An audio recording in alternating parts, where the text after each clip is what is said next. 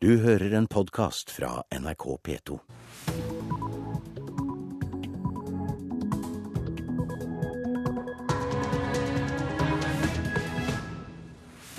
Kristelig Folkeparti vil ha en handlingsplan for å forebygge uønskede svangerskap og abort blant unge i Oslo. Altså, Vi trenger jo både å forebygge at folk som ikke ønsker å bli gravide, blir gravide. Eh, samtidig som vi trenger å eh, stille opp med et tilbud til de som blir gravide, og som befinner seg i en vanskelig situasjon. Det sa gruppeleder for KrF i Oslo, Erik Lunde. Dårlig vær gjør at Røde Kors har økt sin beredskap ved fjellovergangene. Og straks nå så skal du få høre at Olav Thon sier at de som viser frem rikdommen sin, forstår ikke hvilken tid de lever i. Selv foretrekker mangemilliardæren det enkle liv. God morgen og riktig velkommen til Nyhetsmorgen på selveste julaften og klokken 6.30. Programleder i dag, det er Tor Albert Frøsland. Det er ikke vanskelig å bli rik i Norge, det sier mangemilliardæren Olav Thon. Kjøpesentre og hoteller har gjort ham til en av Norges rikeste.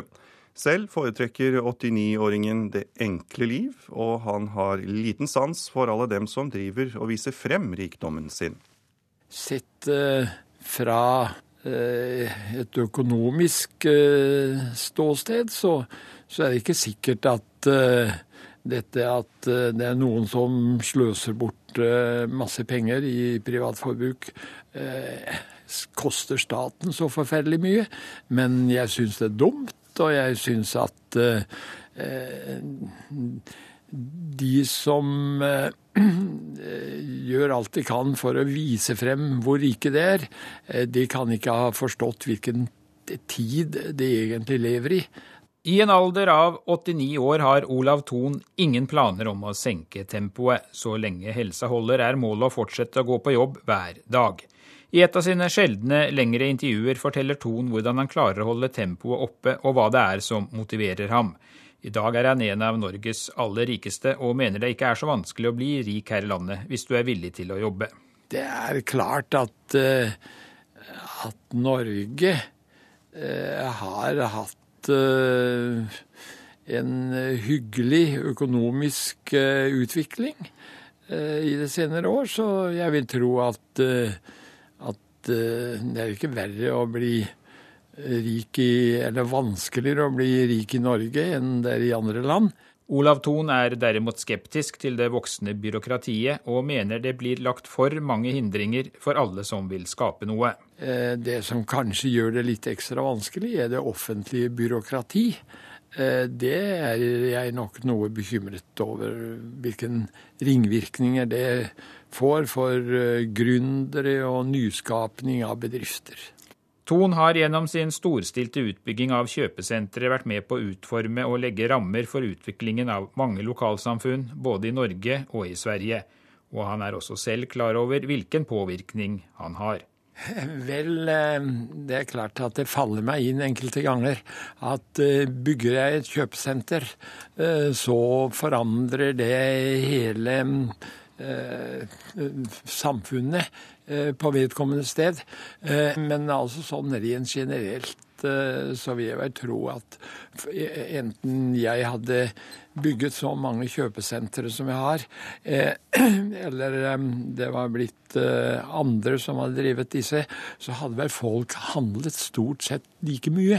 Du er jo da blitt rik, eller veldig rik pga. kjøpesentre, hoteller og eiendom. Nå er du 89 år møter på jobb hver dag og holder tempoet oppe til tross vi må vel si en godt voksen alder. Hva er det egentlig som driver deg? Det er gleden av å lykkes. Og hele intervjuet med Ola Thon kan du høre i Politisk kvarter i P2 og Alltid nyheter kvart på åtte. Reporter, det var Per Arne Bjerke. Ja, denne julen den er ikke bare en tid for glede og samhold. Også ensomheten preger høytiden for mange. Og jeg har fått besøk av sosialsjef i Frelsesarmeen, Lindis Evja. God morgen og velkommen. God morgen. Du, Hvordan ser julen i år ut for Frelsesarmeen? Ja, julen er en periode hvor det er stor aktivitet i Frelsesarmeen. Eh, vi, eh, som de fleste kjenner til, så har vi julegryter ute. Eh, vi bruker desember måned til å dele ut mat, klær, leker til familier og personer som har behov for noe ekstra hjelp i julen. Jeg nevnte innledningsvis dette med ensomhet, for det er faktisk en god del mennesker som føler seg kanskje også ekstra ensomme nå når folk flokkes eh, i familiesammenheng. Hva kan dere i Frelsesarmeen gjøre for folk som føler seg ensomme i de dagene vi nå går inn i? Vi har åpent på veldig mange av våre mm, lokaler, eh, Frelsesarmeen-lokaler rundt omkring i landet. Det er eh, gudstjenester, det er sosiale samvær. I dag på julaften, det er ellers i juledagene, har vi også åpne dører. Eh, vi eh, har også åpent til eh, måltider på ulike steder. Både i Oslo og i flere andre byer. Vi har også en suppebuss som vi har i Oslo sentrum. Og den eh, er der eh, fra klokken åtte i kveld og hele natten. Og det er nå flere netter framover hvor suppebussen står i sentrum. Og da kan man komme dit hvis man er ute og går og man eh, trenger noen å snakke med og komme inn og få seg noe å spise. Noe varmt, skjønner jeg. Noe varmt. Julegrytene er jo en årvis tradisjon for dere i Frelsesarmeen. Hvordan har givergleden vært i år? Det ser ut som det er veldig bra. Eh, vi har eh, nå hatt eh, rekord seks år på rad, så i fjor så fikk vi inn 26 millioner. Vi kan ikke si noe eksakt tall enda, fordi julegryta den står ute i dag også. Og det kommer inn også penger litt etter selve julaften. Og vi håper på at vi skal nå det beløpet også i år. Det ser ut som det blir veldig bra. For vi er blitt et rikt folk i, i gjennomsnitt, og hvordan innvirker det på bidragene dere får? Vi får store bidrag. Eh, vi får små bidrag. Og vi er glad for alle de bidragene. Fordi vi syns det er veldig flott at eh, folk de vil gi. Eh, og størrelsen på bidraget er noe mer underordnet. At mange er med å gi og dele, det syns vi er veldig bra. Hvordan ser folk som eh, bidrar på Frelsesarmeen? Tenker de at eh, de er med på en nasjonal dugnad, eller gir de til en religiøs organisasjon? Jeg tror det er litt begge deler. Eh, noen tenker nok det at vi er Vi en, har en nasjonal dugnad i denne perioden her for å hjelpe andre. Jeg tror andre også knytter oss sterkt til en kristen organisasjon som har et budskap gjennom det arbeidet vi gjør. Sosialsjef i Frelsesarmeen, Lindis Evja, takk skal du ha for at du kom til oss i Nyhetsmorgen, og en eh, riktig god jul. Takk i like måte. Ja, julefreden er kanskje i ferd med å senke seg over det ganske land, men værmessig har det vært alt annet enn rolig det siste døgnet. I går hørte vi om stengte veier flere steder i landet, og derfor så går vi til deg, Ole Fredrik Haugen i Statens vegvesen. Har det blitt bedring? Ja, det har det. God morgen, god morgen. God morgen. Det har blitt en, eh, en aldeles hyggelig avslutning på en lang natt. Ja, men uh, vi hører jo også om at det fortsatt er noen vanskeligheter. Og hvor er det vanskelig? Altså det som er, det, Vi tar det positive. og det, Hvis vi går litt ut i landet først, så tar vi Langfjella, da det som deler øst og vest. Eh, og det er mange, selv, Jeg vet ikke om det lyser mange, men de som skal få flytte seg over. og Nå åpnes det et, et ett og ett fjell etter hvert som de får ryddet opp for dagslys osv. Så, videre. så alle sentralene rundt melder at eh, entreprenørene nå regner med å få det meste oppe i løpet av uh, morgenen formiddagen. Nå var det vel sånn at mange tok jula allerede i helgen, men uh, er det noe juleutfart å snakke om i dag? Erfaringsmessig så er det mye lokaltrafikk på julaften. Folk skal på levere de siste blomstene til venner og bekjente, en tur på graven. Eh, litt sånn forskjellig. Så vi har, vi, vi har, ikke noe tro på at den store julehjemfarten vi treffer i dag, den eh, det har spredd seg veldig godt. og det, er, eh, det, er, det har vært lite trafikk på veien i går også. Men uh, som du sier, det er uh, mye lokaltrafikk, og ja. julen er jo tradisjonelt en uh, bulketid. Og hva er rådet ditt til julestressede sjåfører? Altså er, stress er jo bare hastverk, da. Men, eller last. Men nei, det vi sier er jo dette her igjen. altså Det er noe med å holde avstand og så beregne litt god tid. Uh, og kanskje også vurdere sånn Må jeg kjøre helt dit? Kan jeg, altså, jeg forflytte meg kollektivt? altså sånn. Men det er, det er, i dag er det ikke noe godt føre på, særlig på mindre veier. Men samtidig så er det jo ikke noe nytt med snø. Jo, hvit jul i Oslo er faktisk nytt de siste årene, men Nei, vi, vi, ser på dette. Jeg sitter og ser nå og ser at veiene begynner å bli svarte osv. Så, videre, så dette her jeg tror vi har en god dag foran oss. Men vi får ta oss tid i trafikken. Godt råd fra deg, Ole Fredrik Haugen i Men, Statens vegvesen. Jeg har bare lyst til å få med en ting. Jeg. Eh, for oppdaterte trafikkinformasjon, vegvesen.no. Særlig ja. de som skal forflytte seg langt. Takk skal du ha, og riktig god jul. Riktig god jul til dere òg. Og fra trafikken skal vi da til dette været. Ingrid Bensen ved Meteorologisk institutt. Mange skal vel ut og farte litt i dag også, og hvordan blir været? Ja, Det blir jo litt variabelt hvor du er hen i landet. da. Her på Østlandet og på Sørlandet så vil det bli litt snø av og til, men ikke de store mengdene. Eh, mens det sør på Vestlandet de vil få det dårligste været i dag. Eh, der blir det sterk kuling og kanskje også liten storm på kysten, og også nedbør. Temperaturen stiger, så nedbøren vil gå over til regn på kysten. Og lenger nord på Vestland og i Trøndelag så blir det stort sett oppholdsvær, eh, men kuling utsatte steder i Trøndelag. Mens Nord-Norge får nok det beste været i dag. Eh, Riktignok noen spredte snøbyger på kysten eh, i nord, særlig i Finnmark. Men ellers så blir det mye pent vær i Nord-Norge. Og så er det drømmen om hvit jul da, Ingrid Bensen. Blir det hvit jul de fleste steder? Ja, de fleste stedene får hvit jul. Eh, der det er oppholdsvær, er det nok allerede snø på bakken. Så er unntaket da kysten av eh, Vestlandet, der nedbøren går over til regn. Men all snøen vil nok ikke forsvinne i løpet av dagen i dag. Det var godt å høre. Takk skal du ha, Ingrid Bensen ved Meteorologisk institutt, og riktig god jul. Og det dårlige været det gjør at Røde Kors har økt sin beredskap eh, ved fjellovergangene. De er forberedt på å kunne hente folk ut av kolonner på fjellet. Vær beredt om du skal ut på biltur, det sier distriktsrådsleder i Hordaland Røde Kors, Jan Petter Berentsen. Ja, De må ha med seg varme klær ut, og skikkelig skotøy, skikkelig votter. Ta gjerne med en sovepose, eh, mat og drikke plutselig så kan man bli stående eh, fast at de stopper disse kolonnene. Det kan gå både fem og ti og tolv og, og, og, flere timer enn det også. ikke sant? Og Da må man ha med seg alt man trenger i bilen. Og drivstoff, ikke minst. At man har nok drivstoff på bilen. For kjører du deg fast eller havner i ei timelang kolonne, kan det komme godt med. Røde Kors har nå økt beredskapen på de mest utsatte fjellovergangene. Og skulle du havne i ei kolonne, er dette rådet fra Jan Ivar Engebretsen i NAF.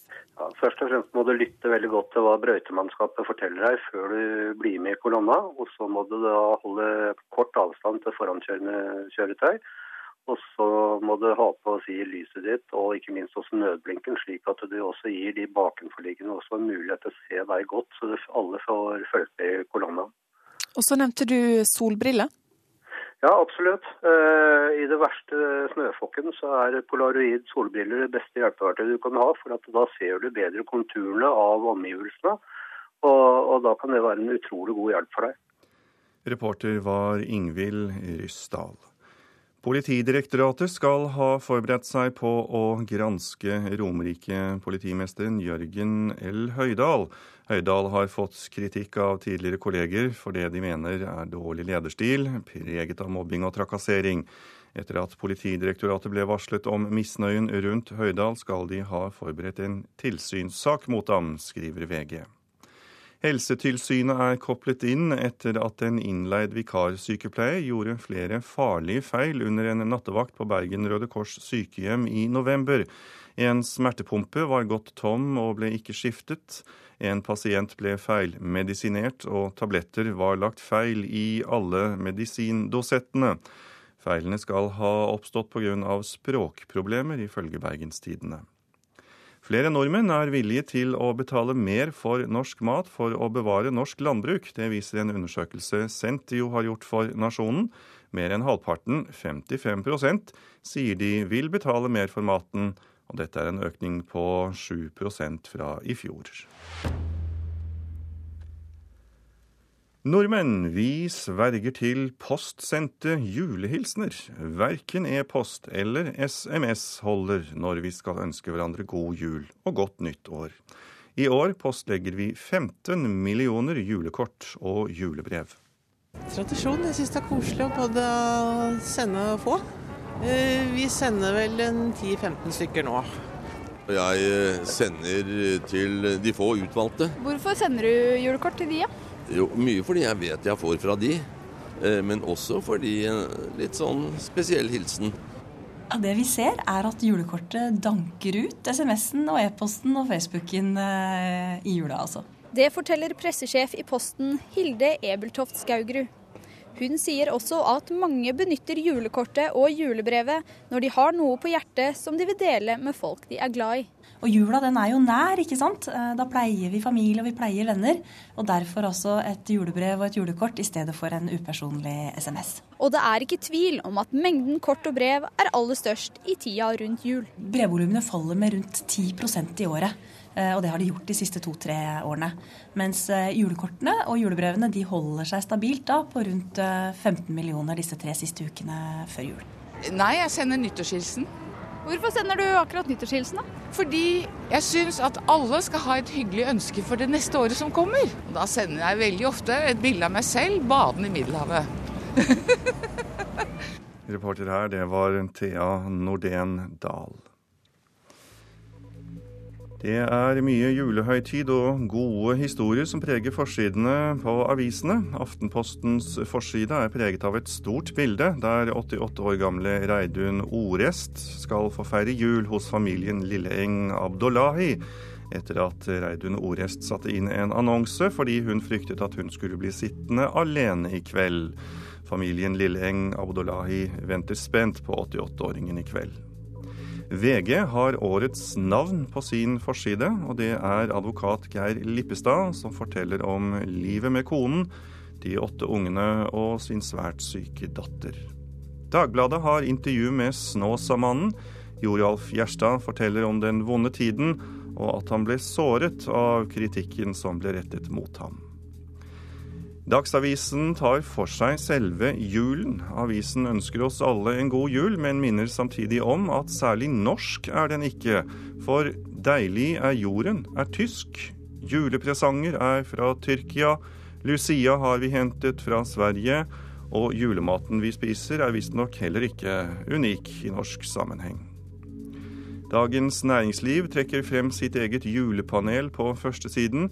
Panelet, som består av næringsminister Trond Giske, Jens Ulltveit Moe, Tina Saltveit og Kristen Idebøen, oppsummerer nemlig året som vi har en uke igjen av. Bergensavisen har kaffekongen Herman Friele over hele sin forside. Happy Herman, som avisen kaller han, forteller leserne om sitt nye liv, om kjærligheten, om takknemligheten, og han sier også at han gjerne skulle ha fortsatt som ordfører i Bergen. Stavanger Aftenblad har den flotte historien om 15 år gamle Erik Barstad Rogier, som er blitt hedret for sin heltedåd etter at han reddet kompisen sin, som satt fast under vann da seilbåten kullseilte. Fedrelandsvennen har en glad historie om to mennesker, for Bjarne Stølen har gjennom 39 år båret sin kone Aslaug i sitt hjerte, og nå bærer han også den ene av hennes nyrer. Luftens helter, det er overskriften på Nordlys sin forside. Og avisen forteller oss hvem som passer på oss i julehøytiden. Bl.a. personellet på ambulansehelikopteret, som nesten tre ganger daglig tar av på oppdrag. Nå skal vi høre at eh, skidronningen Marit Bjørgen hun er skuffet over at hun nå må stå over Tour de Ski pga. hjerteflimmer. Det sier ansvarlig lege for damelandslaget Dag Lønner. Han tror Bjørgen er klar, klar for renn igjen på nyåret. I første omgang nå så skal hun trene som normalt, og blir sannsynligvis fulgt opp med noen nye hjerteflimmer rytmeregistreringer for å se at ting eh, helst fungerer som det skal, eller om det dukker opp noen eh, forstyrrelser som eh, man må vurdere så senere. Marit Bjørgen ble lagt inn på St. Olavs hospital i Trondheim lørdag kveld. Hun følte seg ikke i slag og ble litt uvel under ei treningsøkt. Det viste seg å være hjerterytmeforstyrrelser. VM skal ikke stå i fare, forteller Lunder. Han sier Bjørgen nå er hjemme i Trøndelag og trenger litt ro. Marit hun har jo ikke funnet noe galt, så hun har det bra sånn sett. Men det er klart hun er skuffet over eh, det som har skjedd, og at hun eh, på en måte har fått eh, en eh, klar anbefaling om ikke å gå tur og Ski. Reporter var Ingvild Ryssdal. Det er eh, Nyhetsmorgen i NRK P2 og Alltid nyheter du hører på denne julaften. Klokken den eh, er 6.50, og dette er hovedsaker. Dårlig vær gjør at Røde Kors har økt sin beredskap ved fjellovergangene. Mange kommuner bryter loven når barnefamilier søker om sosialhjelp. Og nå straks skal du få høre at Kristelig Folkeparti vil ha en handlingsplan for å forebygge uønsket svangerskap og abort blant unge i Oslo. For Oslo har de klart høyeste aborttallene i landet i aldersgruppen 20 til 24 år og KrF vil ha en lokal handlingsplan for å forebygge både uønskede svangerskap og abort, med spesielt søkelys på denne aldersgruppen. Og vi har spurt unge kvinner på Storosenter her i Oslo om hvorfor de tror deres aldersgruppe er høyest på statistikken. Veldig mange unge studerer eh, og blir gravide. og Da har de ikke noe annet alternativ enn å ta abort. For de har ikke muligheten til å ta vare på barnet samtidig som de studerer. Jeg tror det er fordi at det å ta, ta abort i dag er veldig lite tabulagt. Det er veldig mange som gjør det, og derfor så tar de kanskje litt lettere på det da også. Hva ville du gjort i en sånn situasjon? Eh, selv har jeg ikke vært i den situasjonen, men det kommer helt an på hvordan jeg hadde ligget an økonomisk, og om jeg var i et fast forhold eller ikke.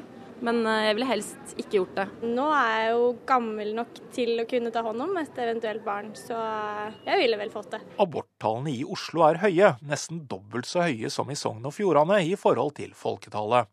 Faktisk tar over halvparten av etnisk norske kvinner i Oslo under 25 år abort hvis de blir gravide. Og mens Finnmark topper den totale abortstatistikken foran Oslo, er Oslo det fylket med klart flest aborter i aldersgruppen 20 til 24 år, ifølge tall fra Folkehelsa. Kristelig Folkeparti vil at Oslo kommune lager en handlingsplan for forebygging av uønskede svangerskap og aborter, med særlig fokus på denne aldersgruppen. Gruppeleder Erik Lunde foreslår nå dette for bystyret. Altså, Vi trenger jo både å forebygge at folk som ikke ønsker å bli gravide, blir gravide. Eh, samtidig som vi trenger å eh, stille opp med et tilbud til de som blir gravide, og som befinner seg i en vanskelig situasjon. Har du noen teori om hvorfor tallene er så høye i nettopp denne aldersgruppen 20-24? Altså Det de fleste eh, forskere peker på, er jo at det handler mye om økonomi.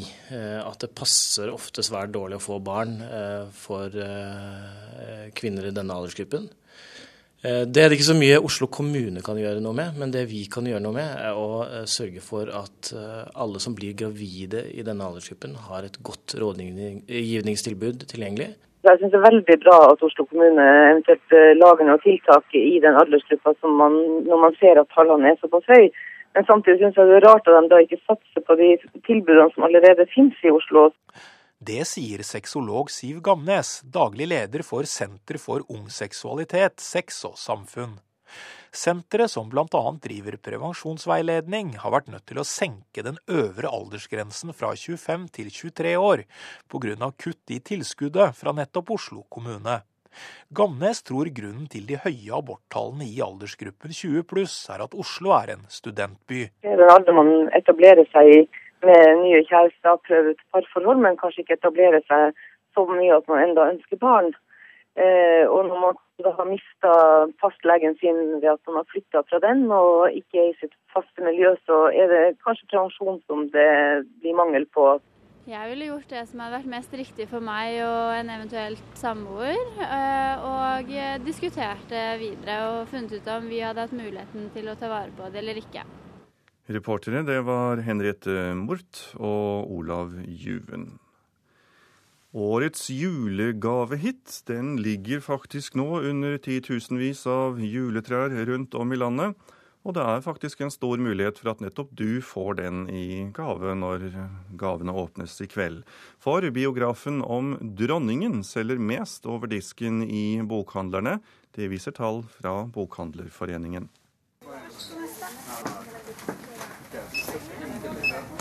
Det er travle tider hos bokhandlerne like før julaften. Som her ved Ark Majorstuen i Oslo. Jeg kjøpte en bok om Berlin til kjæresten min. det er litt fordi vi skal til Berlin, og litt fordi hun har ønska seg den. Så det er en liten jente som skal få litt uh, juleeventyr, og det er mannen min som skal få lov til å lese med hundreåringen. Uh, The Power of Habit. Jeg uh, var i utlandet nettopp, så da kjøpte jeg den på flyplassen og leste den ganske kjapt. Så da tenkte jeg ja, det er sikkert flere som har lyst til å lese den. Det er allikevel biografien om dronningen som havner under flest juletrær i år. Det viser tall fra Bokhandlerforeningen. Boka er den mest solgte av alle nyutgivelser i sin sjanger før jul. Fagansvarlig Øyvind Lysebo Ekelund sjekker julesalgstallene for Ark Majorstuen. Også her selger dronningen bra. Det er kanskje en av de tydeligste sånn, endringene på salg på bøker fra altså resten av året. At en del sånn sakprosa som åpenbart er veldig populært som gaver, og personer som f.eks. dronningen kommer da veldig godt ut. Og I år så ligger jo denne boka rundt, eh, rundt 60 000 juletrær. Og det er jo en eh, nesten litt sånn eh, absurd forestilling å, å gjøre si. Forfatteren Ingar Sletten Kollon trodde ikke boka kom til å selge så bra som den gjør, etter at den ble lansert i oktober i år. Men tusen, tusen takk for godt samarbeid. Hyggelig samarbeid. Det er jeg som skal takke. Det, er, det har vært en fantastisk reise. Ja, det har det.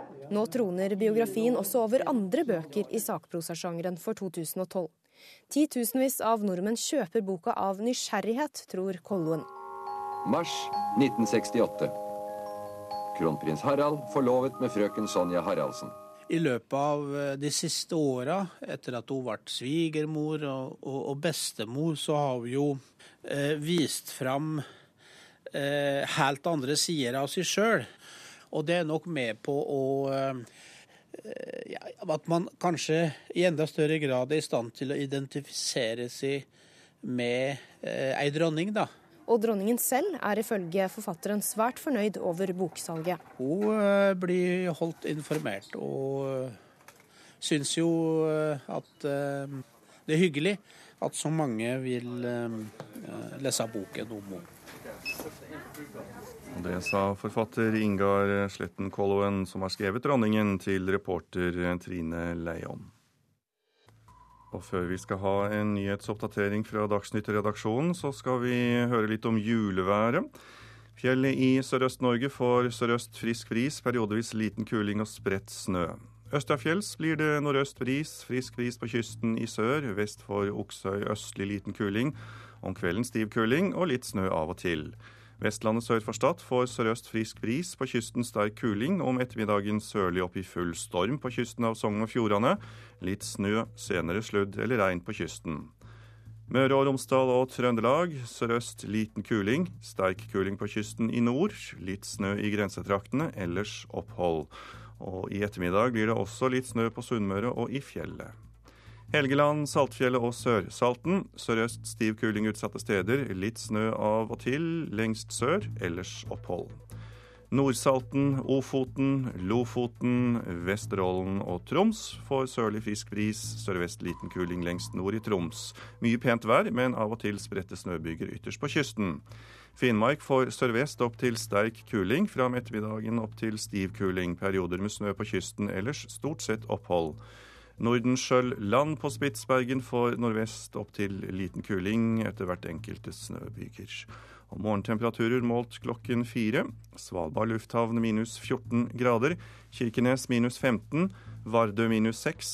Alta minus 10. Tromsø-Langnes minus 4. Bodø minus 7. Brønnøysund minus 3. Trondheim-Værnes minus 2. Molde 1. Bergen-Flesland 0. Stavanger minus 1. Kristiansand-Kjevik minus 2. Gardermoen minus 6, Lillehammer minus 8, Røros minus 9 og Blindern i Oslo hadde minus 5 grader. Du hører en podkast fra NRK P2. Og vi skal høre at eh, mange kommuner bryter loven når barnefamilier søker om sosialhjelp. Det blir avslørt i undersøkelser som Helsetilsynet har gjennomført ved utvalgte Nav-kontor over hele landet. To tredeler av kommunene tar ikke hensyn til barnas behov, slik loven krever at de skal. Jeg blir ganske opprørt og sint. Det er fæle liv for de som må leve oppi dette. Sier SVs Karin Andersen. De opplever fattigdom, og de opplever at de ikke blir tatt på alvor heller. Det viser jo dette, at folk blir ikke tatt på alvor når de kommer til Nav med vanskelighetene sine. Hun var med på å vedta den nye loven om sosiale tjenester, hvor en ny formålsparagraf slår fast at man skulle ta spesielt hensyn til barn. Vi har lagd en lov som etter mitt syn er god, men når den ikke blir fulgt, så hjelper det jo ikke. Rundt 70 Nav-kontor er sjekket. Ikke et tilfeldig utvalg, men kommuner hvor man mente det var fare for svikt. Nå er nesten alle rapportene klare, og en gjennomgang NRK har gjort, viser altså at to av tre kommuner bryter loven. En av dem er Kristiansand, med landets største Nav-kontor. I vestibylen er det mange som venter på tur. Flere er barnefamilier. Elisabeth Engemyr er sjef. Jeg vil si at vi sikrer en individuell vurdering. Men vi har nok ikke sikra den individuelle vurderingen godt nok. Det samme skjer i mange andre kommuner. Resultatet blir ofte standardvedtak og standardstøtte. Kan du utelukke at um, dette har ført til at barn har fått en dårligere hverdag, eller at de ikke har fått det de burde hatt? Nei, jeg kan ikke utelukke at ikke der uh, har vært barn som har kanskje ikke fått det de har krav på. Men altså, vi har brukt mye standardvedtak, og det har vi nå tatt til etterretning og gjør mer individuelle vurderinger. Arbeidsminister Anniken Huitfeldt er ikke fornøyd med resultatet av Helsetilsynets kontrollvirksomhet. Det er helt uakseptabelt, for loven skal følges. Dette handler om å se barn sine behov, og det har kommunene plikt til å gjøre. Allerede i sommer tydet rapportene som da var kommet, på at Nav ofte overser barnas behov. Da ba arbeidsministeren kommunene om å skjerpe seg. Huitfeldt vil dessuten vurdere om det er behov for mer statlig kontroll. Før så førte vi ikke kontroll med kommunene. Det gjør vi nå. Derfor er det bra at helsetilsynene er såpass offensive, strenge. Jeg vil be om råd fra fylkesmennene om det er behov for ytterligere statlig kontroll for at kommunene skjerper seg. Statsråden kan også regne med å få råd fra Karin Andersen. For det kan ikke fortsette sånn, for da kommer jo folk aldri ut av fattigdommen og vanskelighetene sine. Og Karin Andersen er sosialpolitisk talskvinne for SV. Reporter var Katrin Hellesnes. Pakistan støtter nå den afghanske fredsprosessen. Ifølge meldinger som kom i natt, vil Pakistan at Taliban skal bli en politisk bevegelse i Afghanistan som skal være med på å styre landet etter at Nato trekker seg ut. شماری از مقامات و سیاستمداران افغان امروز در نزدیکی شهر پاریس فرانسه با نمایندگان طالبان و سایر گروه های شورشی دیدار Pakistan har alltid hatt en nøkkelrolle i spillet om Afghanistan, på både godt og vondt. Nyheten om at landet nå stiller seg bak fredsprosessen, kan være en milepæl i prosessen mot et fredelig Afghanistan etter at Nato trekker seg ut. Det er ikke fra Pakistan nattens nyhet kommer. Det er høyt plasserte ikke navngitte kilder i den afghanske regjeringen som har snakket med nyhetsbyrået Reuters. Pakistan skal nå dele den afghanske regjeringens ønske om å forvandle Taliban fra å være en væpnet motstander til å bli et politisk parti i Afghanistan.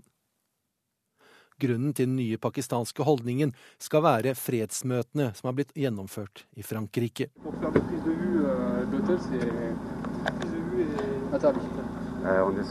Møtene i Frankrike ble holdt utenfor medias søkelys. Det nærmeste verdens øyne kom til møtelokalene, var foran politisperringer noen hundre meter unna. Men så sent som i går kveld kom det frem mer informasjon om hva som har skjedd. Ifølge nattens meldinger ser pakistanske myndigheter meget positivt på hva som kom frem. Taliban forlanger ikke all makt etter at Nato pakker sammen. Og kvinners rettigheter vil bli tatt vare på. Det ifølge meldinger som kom søndag kveld fra Taliban selv. دیو چند سر طالبان از پاریس تا ترکمنستان Men andre rapporter tyder på at det fortsatt er langt igjen til en løsning på problemene i den nye fasen Afghanistan går inn i. Under møtene i Frankrike foreslo Taliban at de selv skulle opprette en midlertidig overgangsregjering. Det ble blankt avvist av representantene fra regjeringen i Kabul. Taliban forlangte også at grunnloven skulle endres, slik at den gjenspeilte islamske prinsipper. Motkravet fra den afghanske regjeringen er at Taliban bryter all kontakt med utenlandske terrororganisasjoner. At slike krav blir fremsatt i det hele tatt, blir tolket som positivt. Utgangspunktet for møtene i Frankrike var egentlig at de to sidene bare skulle lese opp erklæringer, og så forlate forhandlingsbordet igjen. Det sa reporter Halvard Sandberg. Et av de landene vi forbinder mest av alt med jul, det er Israel. Og en av dem som kjenner dette landet aller best her til lands, det er faktisk Norges ambassadør i Israel, og det er deg, Svein Sevje. Velkommen skal du være til Nyhetsmorgen på julaften. Ja, takk. Du, La meg bare høre aller først. Eh, hvordan er julefeiringen i Israel? Ja, den feires jo lite da, av jødene, for å si det sånn. Det, vi er inne i det eh, år 5773 etter skapelsen. og Jesu fødsel er jo ikke med i den historien. Derimot så er det jo 20 eh, arabere i Israel, og av dem så er det en minoritet som er kristne. Og de feirer jul på tradisjonelt vis. Det er forskjellige sekter. Eh, kanskje hoved, hovedfeiringen foregår vel i Nasaret, av det som er Israel i dag. På okkupert område har vi selvfølgelig også fødebyen Betlehem. Ja, for det er jo bibelske navn i disse byene. Betlehem, Jerusalem. Er det ikke noe spesielt preg av, av julehøytid? Jo da, det er det. det er klart. I tillegg så har man jo store grupper av pilegrimer som kommer for å feire i Betlehem, i Jerusalem, eh, de hellige stedene. Um, så det, det foregår, men det er altså ikke av israelerne selv, først og fremst. Men landet Israel har preget, eller er preget av konflikten eh, med Palestina. og Hvordan oppfattes konflikten mellom Israel og Palestina sett fra israelsk side? Det er vel ingen tvil om at uh, alle i og rundt Israel, og inkludert for så vidt uh, vi selv her i Norge, ser den såkalte prosessen som om den har nærmest stoppet opp. Det er stor krise, vil jeg si. De, eh, vi har jo eh, sett nå at vi har en regjering hvor i Israel, og det skal være nyvalg Den nye regjeringen vil sannsynligvis få en eh, kanskje tredjedel av Eller nye nasjonalforsamling, tredjedel av medlemmene som faktisk ikke ønsker en palestinsk stat. Samtidig har det foregått en radikalisering på palestinsk side. Så det foregår altså en slags det man på engelsk kaller blame game. Man, man skylder på den andre for at det ikke er kommet noe videre. Men akkurat nå ser det faktisk ganske mørkt ut.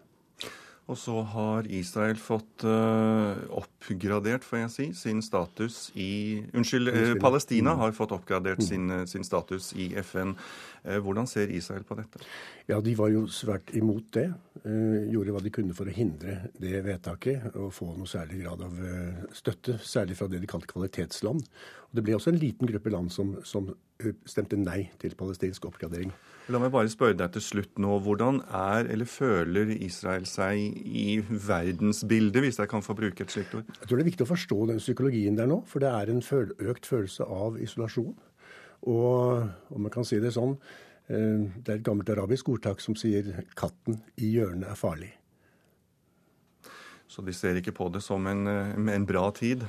Nei, jeg ser neste år som meget eh, krevende, jeg kaller det. det det er både et spørsmål om en prosess som har gått i stå, og også et spørsmål om giverne vil fortsette å støtte eh, i samme grad som før, med sine egne eh, finansielle problemer, den palestinske statsoppbyggingen.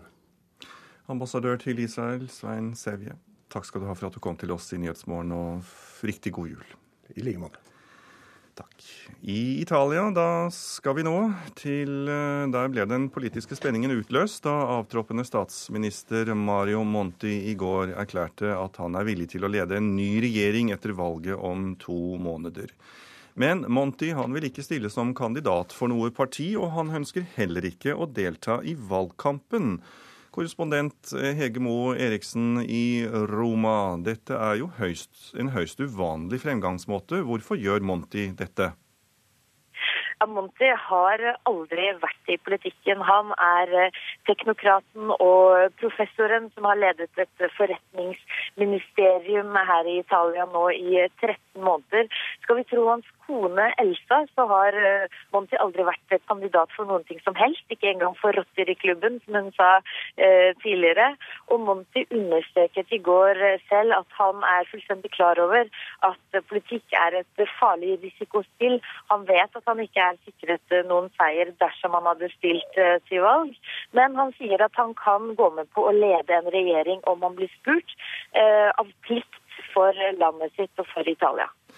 Men Monti har jo gjort eh, hva skal jeg si, noe godt for Italia, bl.a. Eh, sparepolitikken. I alle fall har den fått mye ros fra andre EU-ledere. Eh, men den har vel ikke gjort ham til noen folkehelt i Italia. Hvordan ser italienerne på ham? Han var jo vanvittig populær da han ble hentet inn som redningsmann i fjor på Silvio Berlusconis politiske gravleie. Silvio Berlusconi måtte gå av mens landet sto på randen av politisk kollaps. Så har Monti kjørt på med kutt og tøffe innstramminger og upopulære reformer. Det har gjort ham til en stjerne internasjonalt, og ikke minst i EU. Men eh, på hjemmebane så betaler han prisen. Eh, jeg snakker med italienere her som sier at de håper Monti nå trekker seg tilbake fra den politiske scenen, og at han har vært en teknokrat, men at eh, han i kraft av nettopp å være det, kan kjøre på med tøffe kutt som vanlige folkevalgte ikke kan når de da skal stå eh, til ansvar for folket. Ja, Hvor stor er da sannsynligheten for at Mario Monti får regjeringsoppdrag etter valget i slutten av februar? Ja, Det er først og fremst eh, sentrumspartiene som ønsker eh, Monti som leder. og Skal vi tro meningsmålingene, så er det liten sannsynlighet for at de eh, vinner valget. Sånn at mange her anser den muligheten som ganske liten. Takk skal du ha, da, korrespondent Hege Moe Eriksen i Roma. Klokken den er 7.15, og du hører på Nyhetsmorgen i NRK P2, og dette er hovedsakene våre. Mange Nav-kontor bryter loven når barnefamilier søker sosialhjelp. Hjelpen er ikke tilpasset den enkelte familie. Været har faktisk blitt bedre, og Vegvesenet regner med at alle fjelloverganger åpner i løpet av formiddagen. Og Pakistan støtter fredsprosessen i Afghanistan og vil ta Taliban inn i varmen. Nå skal vi til amerikansk politikk, for mot slutten av året så nærmer vi oss budsjettstupet i amerikansk økonomi, for det er nemlig tid for budsjettforhandlinger i USA. Og jeg har snakket med USA-tjener Halvard Notaker, og jeg ba han forklare hva The Fiscal Cliff innebærer. Det er en slags uh, selvpålagt trussel som innebærer at man uh, uten enighet om, noe, enighet om noe annet, vil få en rekke skatteskjerpelser og utgiftskutt i det offentlige. Og da forsvinner en masse penger fra økonomien som, som på en måte trekkes vekk. Og det er man redd for følgene av. Hvorfor har amerikanerne gått inn på en slik ordning? Det er nærmest for å skremme seg selv til å finne på noe bedre. Eh, man kan sammenligne med at to stykker som blir uenige, setter seg på en benk og spenner opp et flygel over hodet på seg og blir enige om at den, den datoen så kappes vaieren. Eh, hvis man ikke er blitt enige om hvor man skal ha flygelet. Og eh, det er det de prøver å bli enige om nå, da. Og substansen i dette er ting som har å gjøre med langsiktig saldering av budsjettene som skal, som skal, gjøre det mulig da å unngå fortsatt store budsjettunderskudd og stor utenlandsgjeld i USA. Og så kommer dette med skattene. Det er da noe som, som eh, Det blir kanskje litt drøyt å snakke om uflaks, men det er en, en, separat ordning hvor man har hatt midlertidige skattelettelser som kom under Bush, og som da har blitt forlenget og forlenget, som, som da har en slags utløpsdato hvis ikke politikerne gjør noe annet. Så nå kommer disse tingene samtidig på en gang, og det er derfor man tror det kan bli ekstra skummelt. Dette høres ut som eh, midlertidige løsninger. Hvorfor eh, kan det virke som å være så vanskelig å finne på varige løsninger, eller komme i hvert fall til varige løsninger i amerikansk eh, økonomi? Det er fordi Kongressen er veldig delt. Den er polarisert, som man sier. Altså at de som står på høyresiden, står ofte langt ut, og noen ganger vice versa på venstresiden. Og rommet i midten for kompromiss, der er det ikke så veldig, ikke så veldig fullt.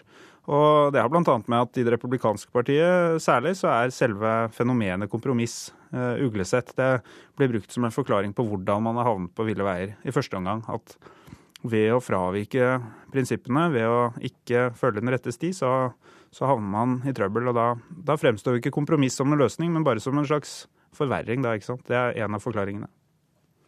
Du nevnte også skatteskjerpelser, og dette er vel som en slags rød klut for eh, republikanerne. Hvorfor er de så livredde for, eh, for skatteøkninger? Eh, det, det, ligger jo, For det første så er det jo en del av partiets politikk og plattform da, at de ønsker lavere skatter enn demokratene. Men det som kommer i tillegg, og som, som også da gjør kompromiss vanskelig, det er at mange republikanere, altså et, et, overveldende flertall, har skrevet under på et løfte til en, til en uh, slags interessegruppe på utsiden som er opptatt av at det ikke skal forekomme skatteøkninger. Og så, så de da, gjør de dette løftet som en del av valgkampen sin og får støtte av den organisasjonen, som, som er, er, en ettertraktet merkelapp uh, i republikanske primærvalg.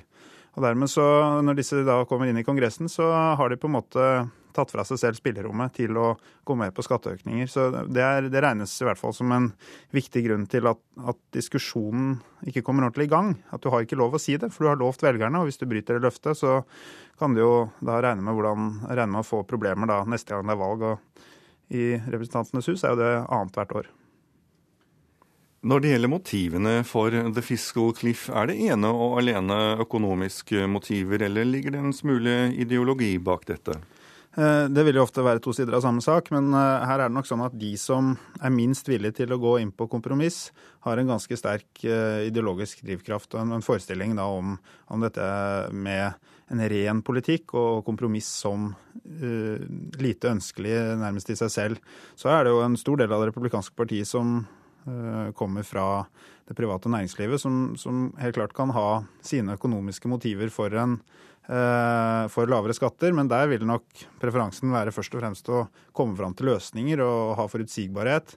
Så de, de, har jo da tradisjonelt vært en del av den mer moderate og sentrumsorienterte delen av partiet, hvor det viktigste er at ting går greit, at det virker, at ikke eh, børsen blir eh, måte tvunget brått opp og brått ned fra en dag til en annen.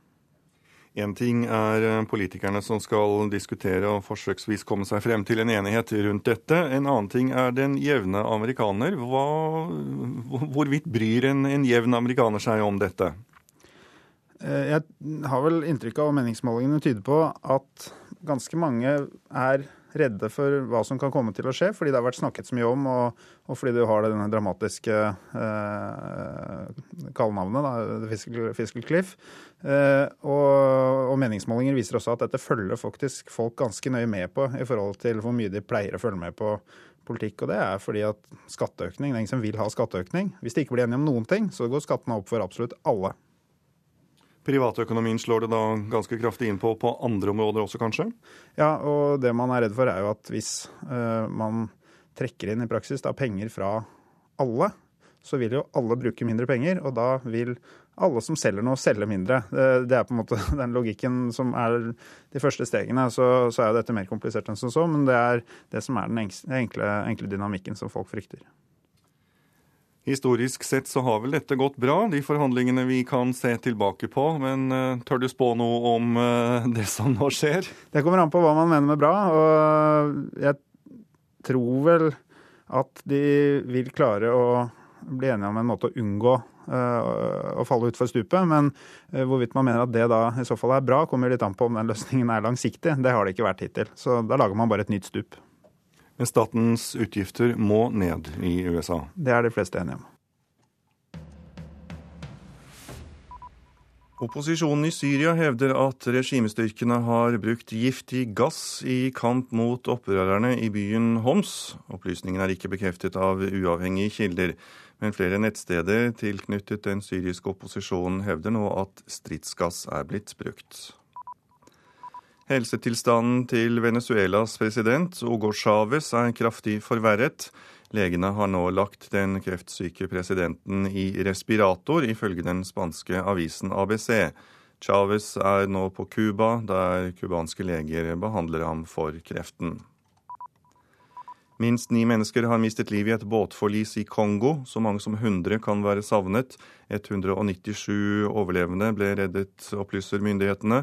Men ifølge Radio Okapi har passasjerene anslått at nesten 300 mennesker var om bord. Temperaturen vest i Antarktis stiger dobbelt så raskt som tidligere antatt. Er, grunnen er klimaendringene, det mener forskere bak en ny rapport. Det er antatt at smeltevannet fra Vest-Antarktis forårsaker 10% av havnivåstigningen som knyttes til menneskeskapte klimaendringer. Så skal vi titte litt på avisenes forsider, og mye julestoff preger dem. Aftens, Aftenpostens forside har et stort bilde der 88 år gamle Reidun Orest skal få feire jul hos familien Lilleeng Abdullahi etter at uh, Orest satte inn en annonse fordi hun fryktet at hun skulle bli sittende alene i kveld. Familien Lilleeng Abdullahi venter spent på 88-åringen i kveld. VG presenterer årets navn på sin forside, og det er advokat Geir Lippestad og han forteller om livet med familien, de åtte ungene og sin svært syke datter. Dagbladet har intervjuet Snåsamannen. Joralf Gjerstad forteller om den vonde tiden, og at han ble såret av kritikken som ble rettet mot ham. Og Dagsavisen tar for seg selve julen. Avisen ønsker oss alle sammen en god jul, men minner samtidig om at særlig norsk er den ikke. For salmen 'Deilig er jorden' den er tysk. Julepresanger det har tyrkisk tradisjon. Lucia har vi hentet fra Sverige. Og julematen vi spiser er visstnok heller ikke unik. Bergensavisen har kaffekongen Herman Friele over hele sin forside. Happy Herman, som avisen kaller ham, forteller leserne om sitt nye liv, om kjærligheten og om takknemligheten og han sier også at han gjerne skulle ha fortsatt som politiker i Bergen. Fedrelandsvennen har en glad historie om to mennesker på sin forside, for Bjarne Stølen har gjennom 39 år hatt sin kone Aslaug i sitt hjerte, men nå bærer han også den ene av hennes nyrer. Vi kan ikke si nei. Det er det tvillingene Marit og Eli Arnstad som sier på Adresseavisens forside. Samferdselsministeren, banksjefen og kusinen Ellen, som er sjefredaktør i Se og Hør, forteller om hvorfor de tok de jobbene de har i dag. Finansavisen tar opp spørsmålet rundt arv, og eksperter mener at man godt kan gi en leilighet i julegave til sine barn. Avisen gir oppskriften på hvordan foreldre kan skaffe leilighet til barna og samtidig tjene godt.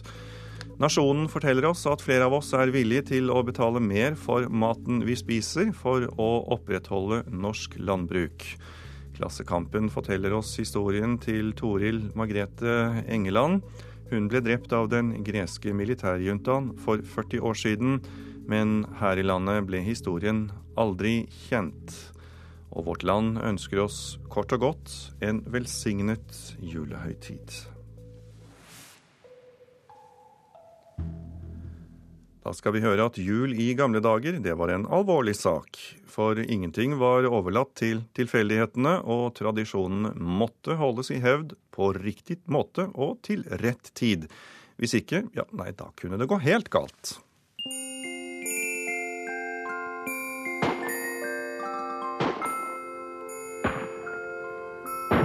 Hilde, det var da fælt i spetakkelet. Hva er det du holder på med nå? Det er jo snart eh, jul. Ja, altså dette var jo en viktig inntreden til julefeiringa, nemlig det å skyte jula inn. Skyte jula inn? Ja, altså det var en måte å markere at nå starta julefeiringa. Hva var feil med de gode, gamle kirkeklokkene, eller stabbursklokka? Altså, Kirkeklokken er det jo ingenting i veien med, men du vet det var jo noen gårder som lå så langt unna at de hørte ikke de kirkeklokkene. Og da måtte de jo ta saken i egne hender. Så da skjøt de jula inn. Var det vel kanskje om å gjøre å skyte først, da? eller? Det var i hvert fall sånn at man kunne skyte, og da skjøt man enten ett eller tre skudd, og så fikk man svar fra nabogården. Og så var det egentlig om å gjøre å holde på lengst mulig, ikke spare på kruttet. er det der uttrykket kommer fra, kanskje? Kanskje det, jeg vet ikke. Sånn at det var ei fortelling om en eh, kar da, som hadde stått ute nesten hele kvelden til langt utpå Ja, sånn at han nesten ikke nådde julekveldsmåltidet. Fordi han hadde så mye krutt han skulle bruke opp. Dette kunne jo ikke bare være bra, det kunne jo skremme opp både vetter og troll, og kanskje det som verre var. Ja, men litt av hensikten var nok ikke bare å markere at julefeiringa var starta. Det var nok også nettopp det å renske lufta for djevelskap og skremme bort de onde makten. Du får få siste skuddet. Å nei. Nei, det var ikke kvinnfolkene som gjorde dette, det var mennene. Så det blir nok din jobb, det. Og det var Hilde Serine Krogstad, som er formidler ved Østfoldmuseene avdeling Borgarsyssel, som var sammen med vår mann Finn Børge Stenbekk for å skyte julen inn. Det er Nyhetsmorgen du hører på. Den neste halve timen skal vi ha Dagsnytt, og vi skal ha utenriksreportasjen og Politisk kvarter. Produsenten for Nyhetsmorgen denne morgenen det er Fredrik Lauritzen, og her i studio så befinner Tor Albert Frøsland seg. Har du tips eller kommentarer, så, eller is eller ros, så send oss gjerne en e-post til adressen nyhetsmorgen krøllalfa nrk.no.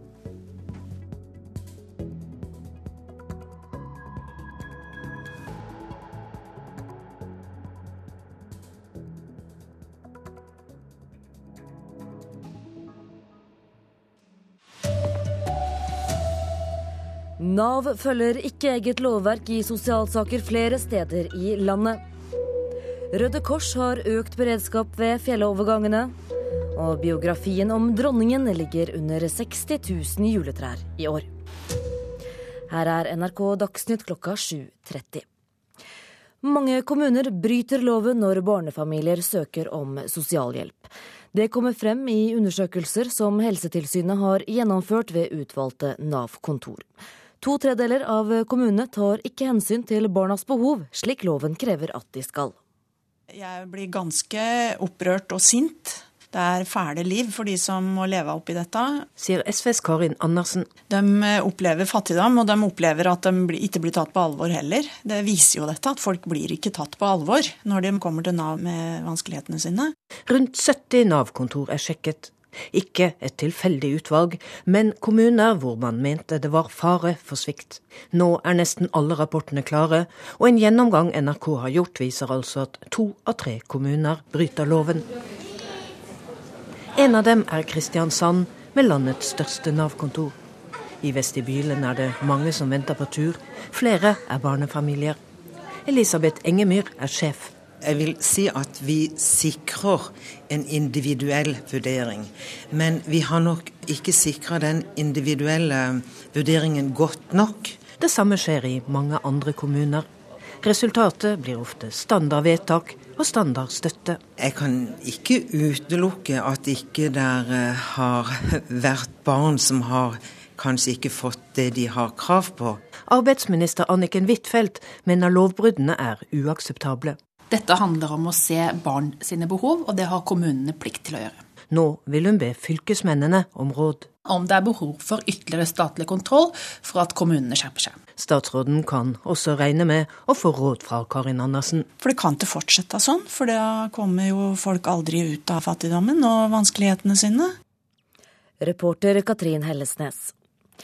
Fjellovergangene som har vært stengt, åpner i løpet av formiddagen. Likevel gjør dårlig vær at Røde Kors har økt beredskapen ved fjellovergangene.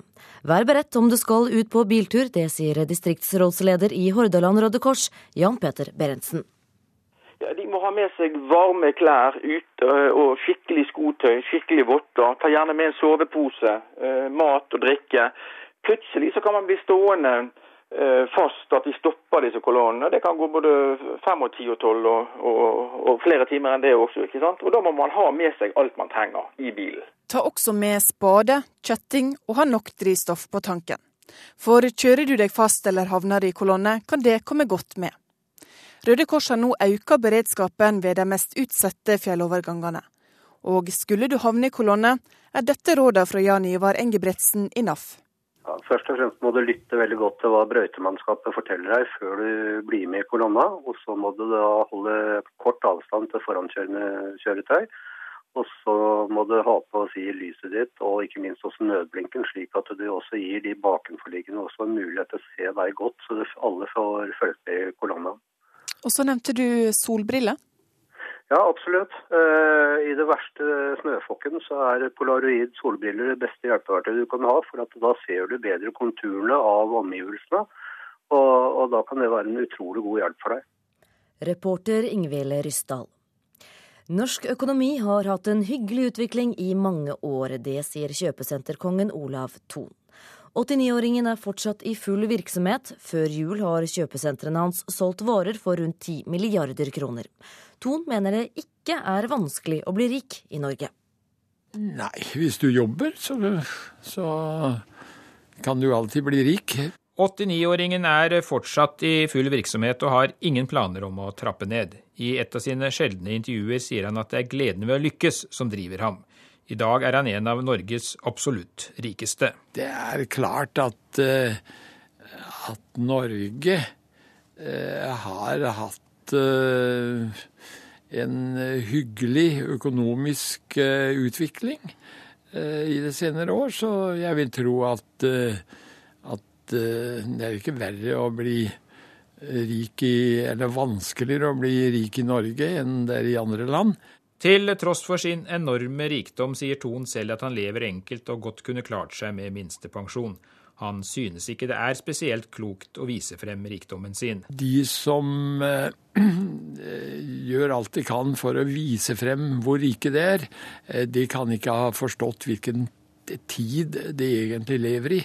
Det er meget mulig at eh, for 100 eller 200 år siden så var det viktig å vise frem hvor store det var. I dag så, så, så, så tror jeg bare det fører til eh, vanskeligheter. Olav Thon sier en av hemmelighetene bak et langt liv er å holde seg i aktivitet. Til sommeren fyller han 90, men han har likevel satt seg klare mål for hvor mange mil han skal gå på ski i vinter. Jeg burde vel kunne komme opp i bortimot 100, vel? Og Olav Thon er gjest i Politisk kvarter i P2 kvart på åtte. Reporter Per Arne Bjerke. Marit Bjørgen er skuffet over at hun må stå over Tour de Ski pga. hjerteflimmer. Det sier ansvarlig lege for damelandslaget Dag Lunder. Han tror hun er klar for renn igjen på nyåret. I første omgang nå så skal hun trene som normalt, og blir sannsynligvis fulgt opp med noen nye hjerteflimmer rytmeregistreringer for å se at ting eh, helst fungerer som det skal, eller om det dukker opp noen eh, forstyrrelser som eh, man må vurdere så senere.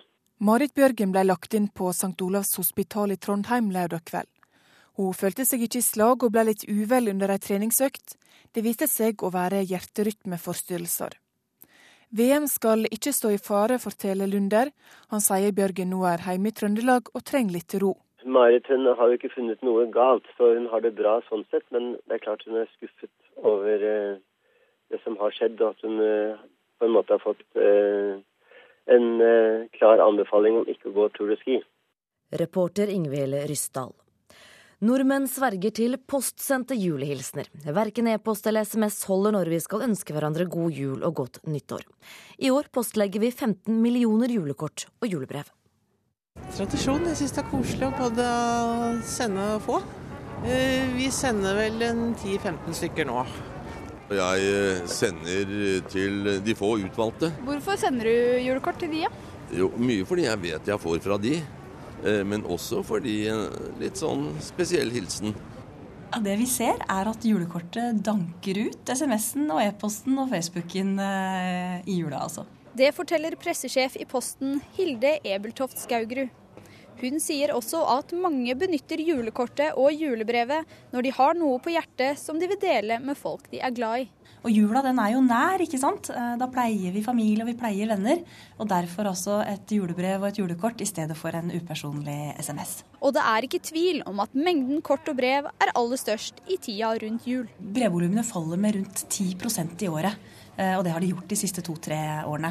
Mens eh, julekortene og julebrevene de holder seg stabilt da på rundt 15 eh, millioner disse tre siste ukene før jul. Nei, jeg sender nyttårshilsen. Hvorfor sender du akkurat nyttårshilsen? da? Fordi jeg syns at alle skal ha et hyggelig ønske for det neste året som kommer. Da sender jeg veldig ofte et bilde av meg selv badende i Middelhavet. Reporter her var Thea Nordén Dahl. Titusener kan regne med å få biografien om dronningen til jul. Biografien er svært populær og er mest solgt hos bokhandlerne. Det viser tall fra Bokhandlerforeningen. Og I år så ligger jo denne boka rundt, eh, rundt 60 000 juletrær. Og det er jo en eh, nesten litt sånn eh, absurd forestilling å, å gjøre si. Forfatteren Ingar Sletten Kollon trodde ikke boka kom til å selge så bra som den gjør, etter at den ble lansert i oktober i år. Men tusen, tusen takk for godt samarbeid. Hyggelig samarbeid. Det er jeg som skal takke. Det, er, det har vært en fantastisk reise. Ja, det har det. Nå troner biografien også over andre bøker i sakprosasjangeren for 2012. Titusenvis av nordmenn kjøper boka av nysgjerrighet, tror Kolloen. Mars 1968. Kronprins Harald forlovet med frøken Sonja Haraldsen. I løpet av eh, de siste åra, etter at hun ble svigermor og, og, og, bestemor, så har hun jo eh, vist fram eh, helt andre sider av seg sjøl. Og det er nok med på å eh, ja, At man kanskje i enda større grad er i stand til å identifisere seg med eh, dronning, da. Det sa til slutt forfatteren bak boka 'Dronningen' til reporter Trine Leion. Dagsnytt kom mot slutten. Ansvarlig for sendingen Erlend Rønneberg, teknisk ansvarlig Hanne Lunås, og mitt navn er Silje Katrine Bjarkøy.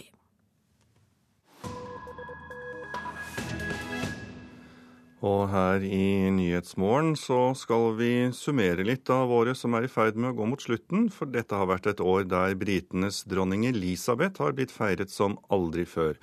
To av høydepunktene var markeringen av dronningens 60 år på tronen, og ikke minst de olympiske sommerleker i London. En statsminister ønsker en britisk monark velkommen til regjeringsmøtet i Downing Street for første gang i fredstid siden 1781, tror man.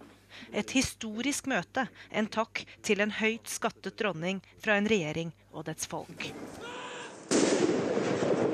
Men det var slik det begynte med kanonsalutter i februar den dagen for 60 år siden dronning Elisabeth ble dronning. Så fulgte den store folkefesten i juni.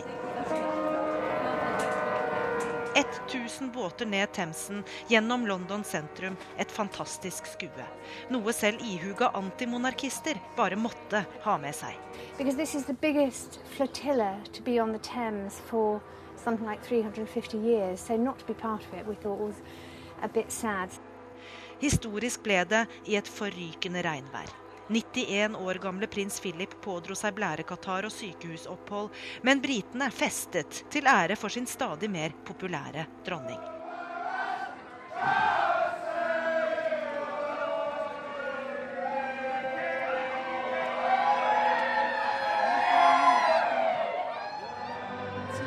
Dronningen står nå omringet av Tom Jones og og Cheryl Coles og en rekke andre toppartister som har vært med på denne konserten i kveld.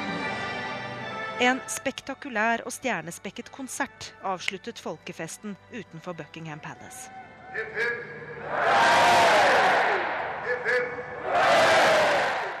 Good evening, Sir Bond. Good evening, Your Majesty.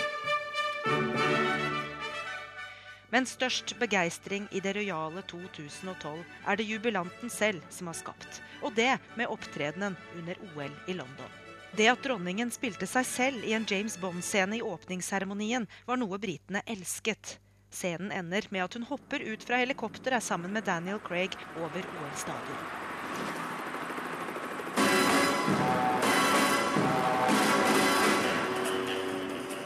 It does suggest a royal arrival En fersk måling British Council har fått gjort i elleve land, viser at OL og diamantjubileum bidro til et mer positivt inntrykk av Storbritannia. Utlendingene mener britene har fått større innflytelse på resten av verden, og flere vil reise til Storbritannia på ferie pga. TV-bildene fra idrettsfesten og dronningfesten. Men spørsmålet er hvor lenge et slikt oppsving vil vare. Mange tror det kan bli kortvarig. På tampen av året kom nyheten som gir mange britiske rojalister håp om mer kongelig glede og feiring inn i det nye året.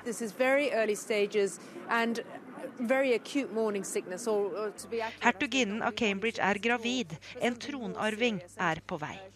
En gledelig nyhet som ble etterfulgt av en tragisk. Da en sykepleier ved sykehuset der den morgenkvalme Kate var innlagt, ble lurt av radiopratere og senere funnet død. It is with deep sadness that I can confirm the tragic death of a member of our nursing staff.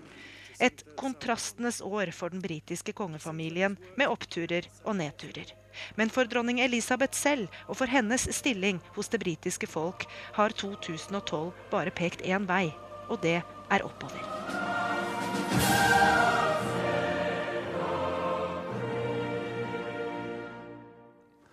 Det var korrespondent Gry Blekastad Almås som oppsummerte dronningåret i Storbritannia.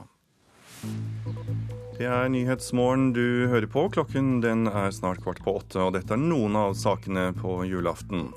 Pakistan vil gjøre Taliban til et stuerent parti for å få fred i Afghanistan. Fjellovergangene åpner snart, men Røde Kors er likevel forberedt på å hjelpe bilister som får problemer. Og boken om dronningen, den er årets julevinner i bokhandelen. Og Da er det klart for Politisk kvarter, og der skal vi møte Norges mest kjente hallingdøl, programleder Per Arne Bjerke.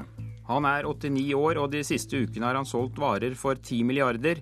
I vinter har han som mål å gå 100 mil på ski.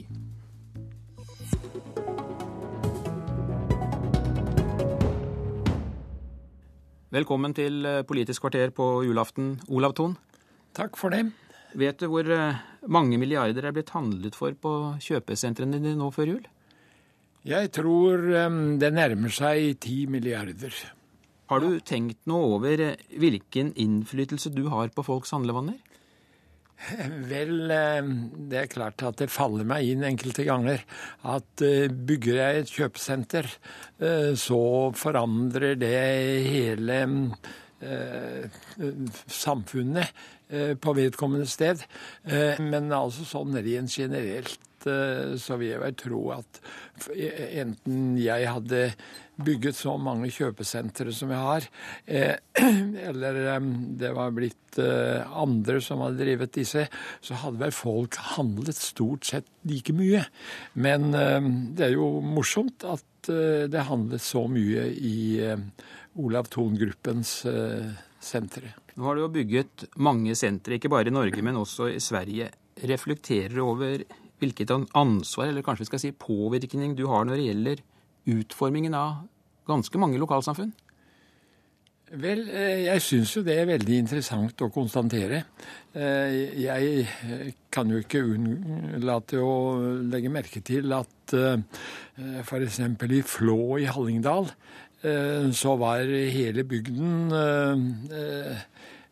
passiv og trodde ikke at det var noen muligheter. Og så kommer det et kjøpesenter på 10 000 kvadratmeter, og, og plutselig så blomstrer eh, ny industri. Og mm, i det hele tatt eh, optimismen kommer tilbake i bygden. Men i Flå havnet du ved litt av en tilfeldighet. Jeg har hørt, jeg hørte at du ble stoppet eh, i en fartskontroll av den lokale rensmannen, og da fattet du interesse for eh, det som skjedde der oppe? Ja da, vi kom inn litt i prat om at det var en bjørnepark eh, der som hadde vanskeligheter. Og jeg eh, syntes at det var så interessant, så jeg laget en stiftelse da, som eh, tok vare på denne bjørneparken. Men eh, det måtte til noe også innen næringslivet, og så fant jeg på å bygge dette kjøpesenteret. da. Det er jo ganske mange da, etter hvert som er blitt avhengig av deg. I Hole kommune, der du har bostedsadresse, så står du for en ikke ubetydelig del av skatteinntektene. Stemmer det at du møter ordføreren hver høst for å fortelle ham hva han kan regne med i skatteinntekter neste år? Ja, vi gjorde iallfall det tidligere, men nå tror jeg at de er såpass avslappet og vet at det kommer en hel del titalls millioner i skatteinntekter fra meg, så i det senere så hadde det gjerne blitt bare en telefonsamtale. Du er jo da blitt rik, eller veldig rik pga. kjøpesentre, hoteller og eiendom. Nå er du 89 år, møter på jobb hver dag og holder tempoet oppe til tross vi må vel si en godt voksen alder. Hva er det egentlig som driver deg? Det er gleden av å lykkes. Det, og det er jo veldig tilfredsstillende da, at uh, man f.eks. Uh, eh, på Strømmen, uh, hvor Strømmen Stål gikk konkurs og det gikk, ble tapt ca. 500 arbeidsplasser, så kan man bygge det ut til en bedrift som i dag engasjerer vel ca. 2000 eller Eh, skaper ca. 2000 arbeidsplasser. Hva tenker du om da de småbutikkene som ikke slipper inn på sentrene dine, og som kanskje blir utkonkurrert? Vel, det, hvis det ønsker å komme inn på senteret, så, så vil de vel eh, få anledning til det. Eh, men eh, selvfølgelig, eh, sentrene er eh, et en sterk konkurrent eh, til eh, frittstående butikker. Det må man innrømme, men det er jo bare det at eh, klimaet og forholdene i Norge ligger sånn an at å kunne gå inn på et kjøpesenter og finne 200 butikker uten å behøve å gå ut på gaten i snø og sludd, eller hva det nå skal være, det har sine eh, fordeler og sin attraksjon. Eh, så jeg tror det er egentlig vår moderne tid som forlanger dette. Men samtidig er det jo du da som på en måte bestemmer hvem skal få klare seg og hvilke butikker må dø, avhengig av om de kommer inn hos deg eller ikke. Tenker du noe over hvilken makt du egentlig har? Vel jeg er jo ikke alene, da. Det er jo, det er jo meget, meget store eh, kjøpesentre eh, som ikke tilhører Olav Thon-gruppen. Eh, så jeg vil jo tro at eh, det er muligheter for så vidt for alle. Vi har jo i det senere sett at, eh, at det store Eh, internasjonale fonds og forsikringsselskaper bl.a. som eh, har gått inn i kjøpesenterbransjen. Så eh, noe monopol har jeg jo ikke, da. Er det vanskelig å bli rik i Norge? Nei, hvis du jobber, så, så kan du alltid bli rik. Det har vel aldri vært noe Eh, mål i seg selv for meg, for eh, jeg er jo en meget enkel mann og klarer meg aldeles utmerket med minstepensjon, hvis det skulle være aktuelt. Eh, men det er klart at, at Norge har hatt en hyggelig økonomisk utvikling i det senere år, så jeg vil tro at Eh, det er ikke verre å bli rik i, eller vanskeligere å bli rik i Norge enn det er i andre land. Eh, det som kanskje gjør det litt ekstra vanskelig, er det offentlige byråkrati. Eh, det er jeg nok noe bekymret over, hvilken ringvirkninger det får for gründere og nyskapning av bedrifter. Ja, Føler du at de legger litt kjelker i veien for deg? Selvfølgelig, byråkratiet legger alltid kjelker i veien i enhver utvikling. Og hvis man leser historie, så ser man jo at det er stort sett byråkratiet som har knekket enten det Romerriket eller det tidligere verdensriker, så er det i grunnen stort sett byråkratiet som knekker eh, de forskjellige Eh, tidsalder som vi har vært inne i. Men er det så unaturlig at eh, myndighetene vil ha litt kontroll på den utviklingen som skjer, og at eh, også dere som har mulighet til å investere så mye som det du gjør, at dere faktisk må underlegges en viss kontroll? En viss kontroll kan nok være forståelig, men når man skal holde på i 14 måneder for å få utvide en dør med 70 cm, som attpåtil var godkjent for 50 år siden, så, så blir man jo noe forskrekket. Du var inne på at du kunne klare deg med minstepensjon, sa du. Har du aldri hatt lyst til å kjøpe deg et privatfly eller en luksusbåt, slik som andre milliardærer? Nei takk, det passer ikke meg. Hva synes du om andre rike som liker å vise fram rikdommen sin? Vel, det syns jeg er en privatsak. Jeg går ut fra at hvis jeg har et enormt pengeforbruk, så er jeg iallfall helt sikker på at staten får 25% moms av alt som forbrukes. Og det får vel også sin rikelige andel av av skatteinntekter for de som jobber med prosjekter som kanskje noen rike bruker til privat forbruk. Så jeg vet ikke Sett fra et økonomisk ståsted, så, så, er det ikke sikkert at dette at det er noen som sløser bort masse penger i privatforbruk, koster staten så forferdelig mye. Men jeg syns det er dumt, og jeg syns at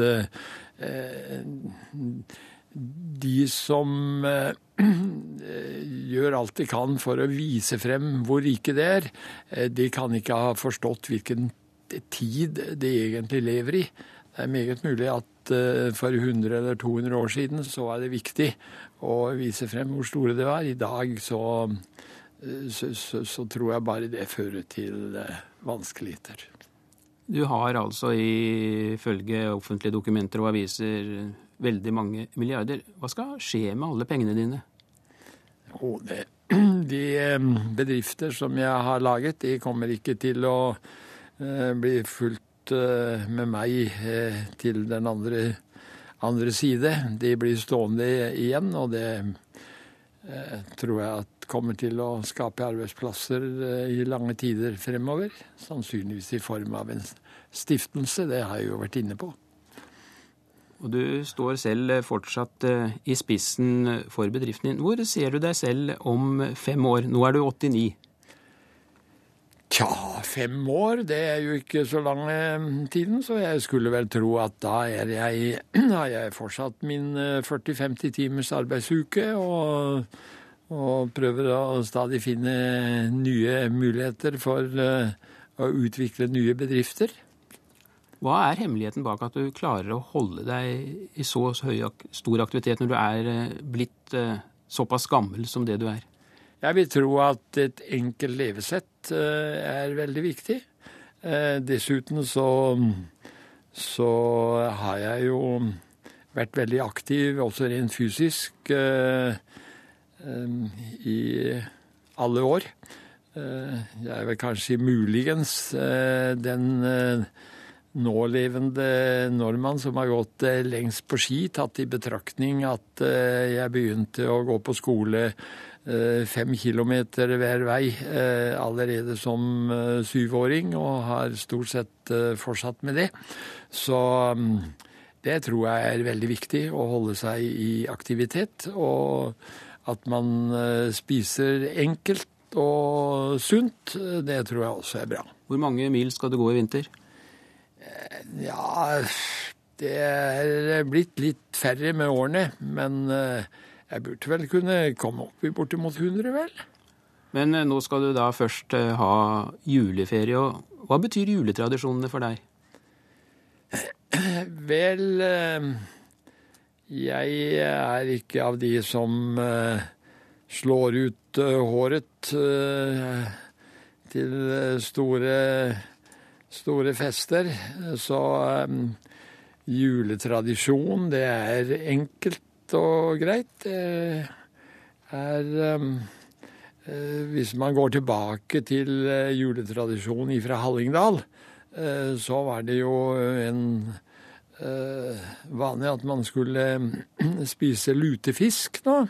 Det var det som var vanskeligst å få tak i i Hallingdal. Det måtte jo komme fra sjøen, det, da.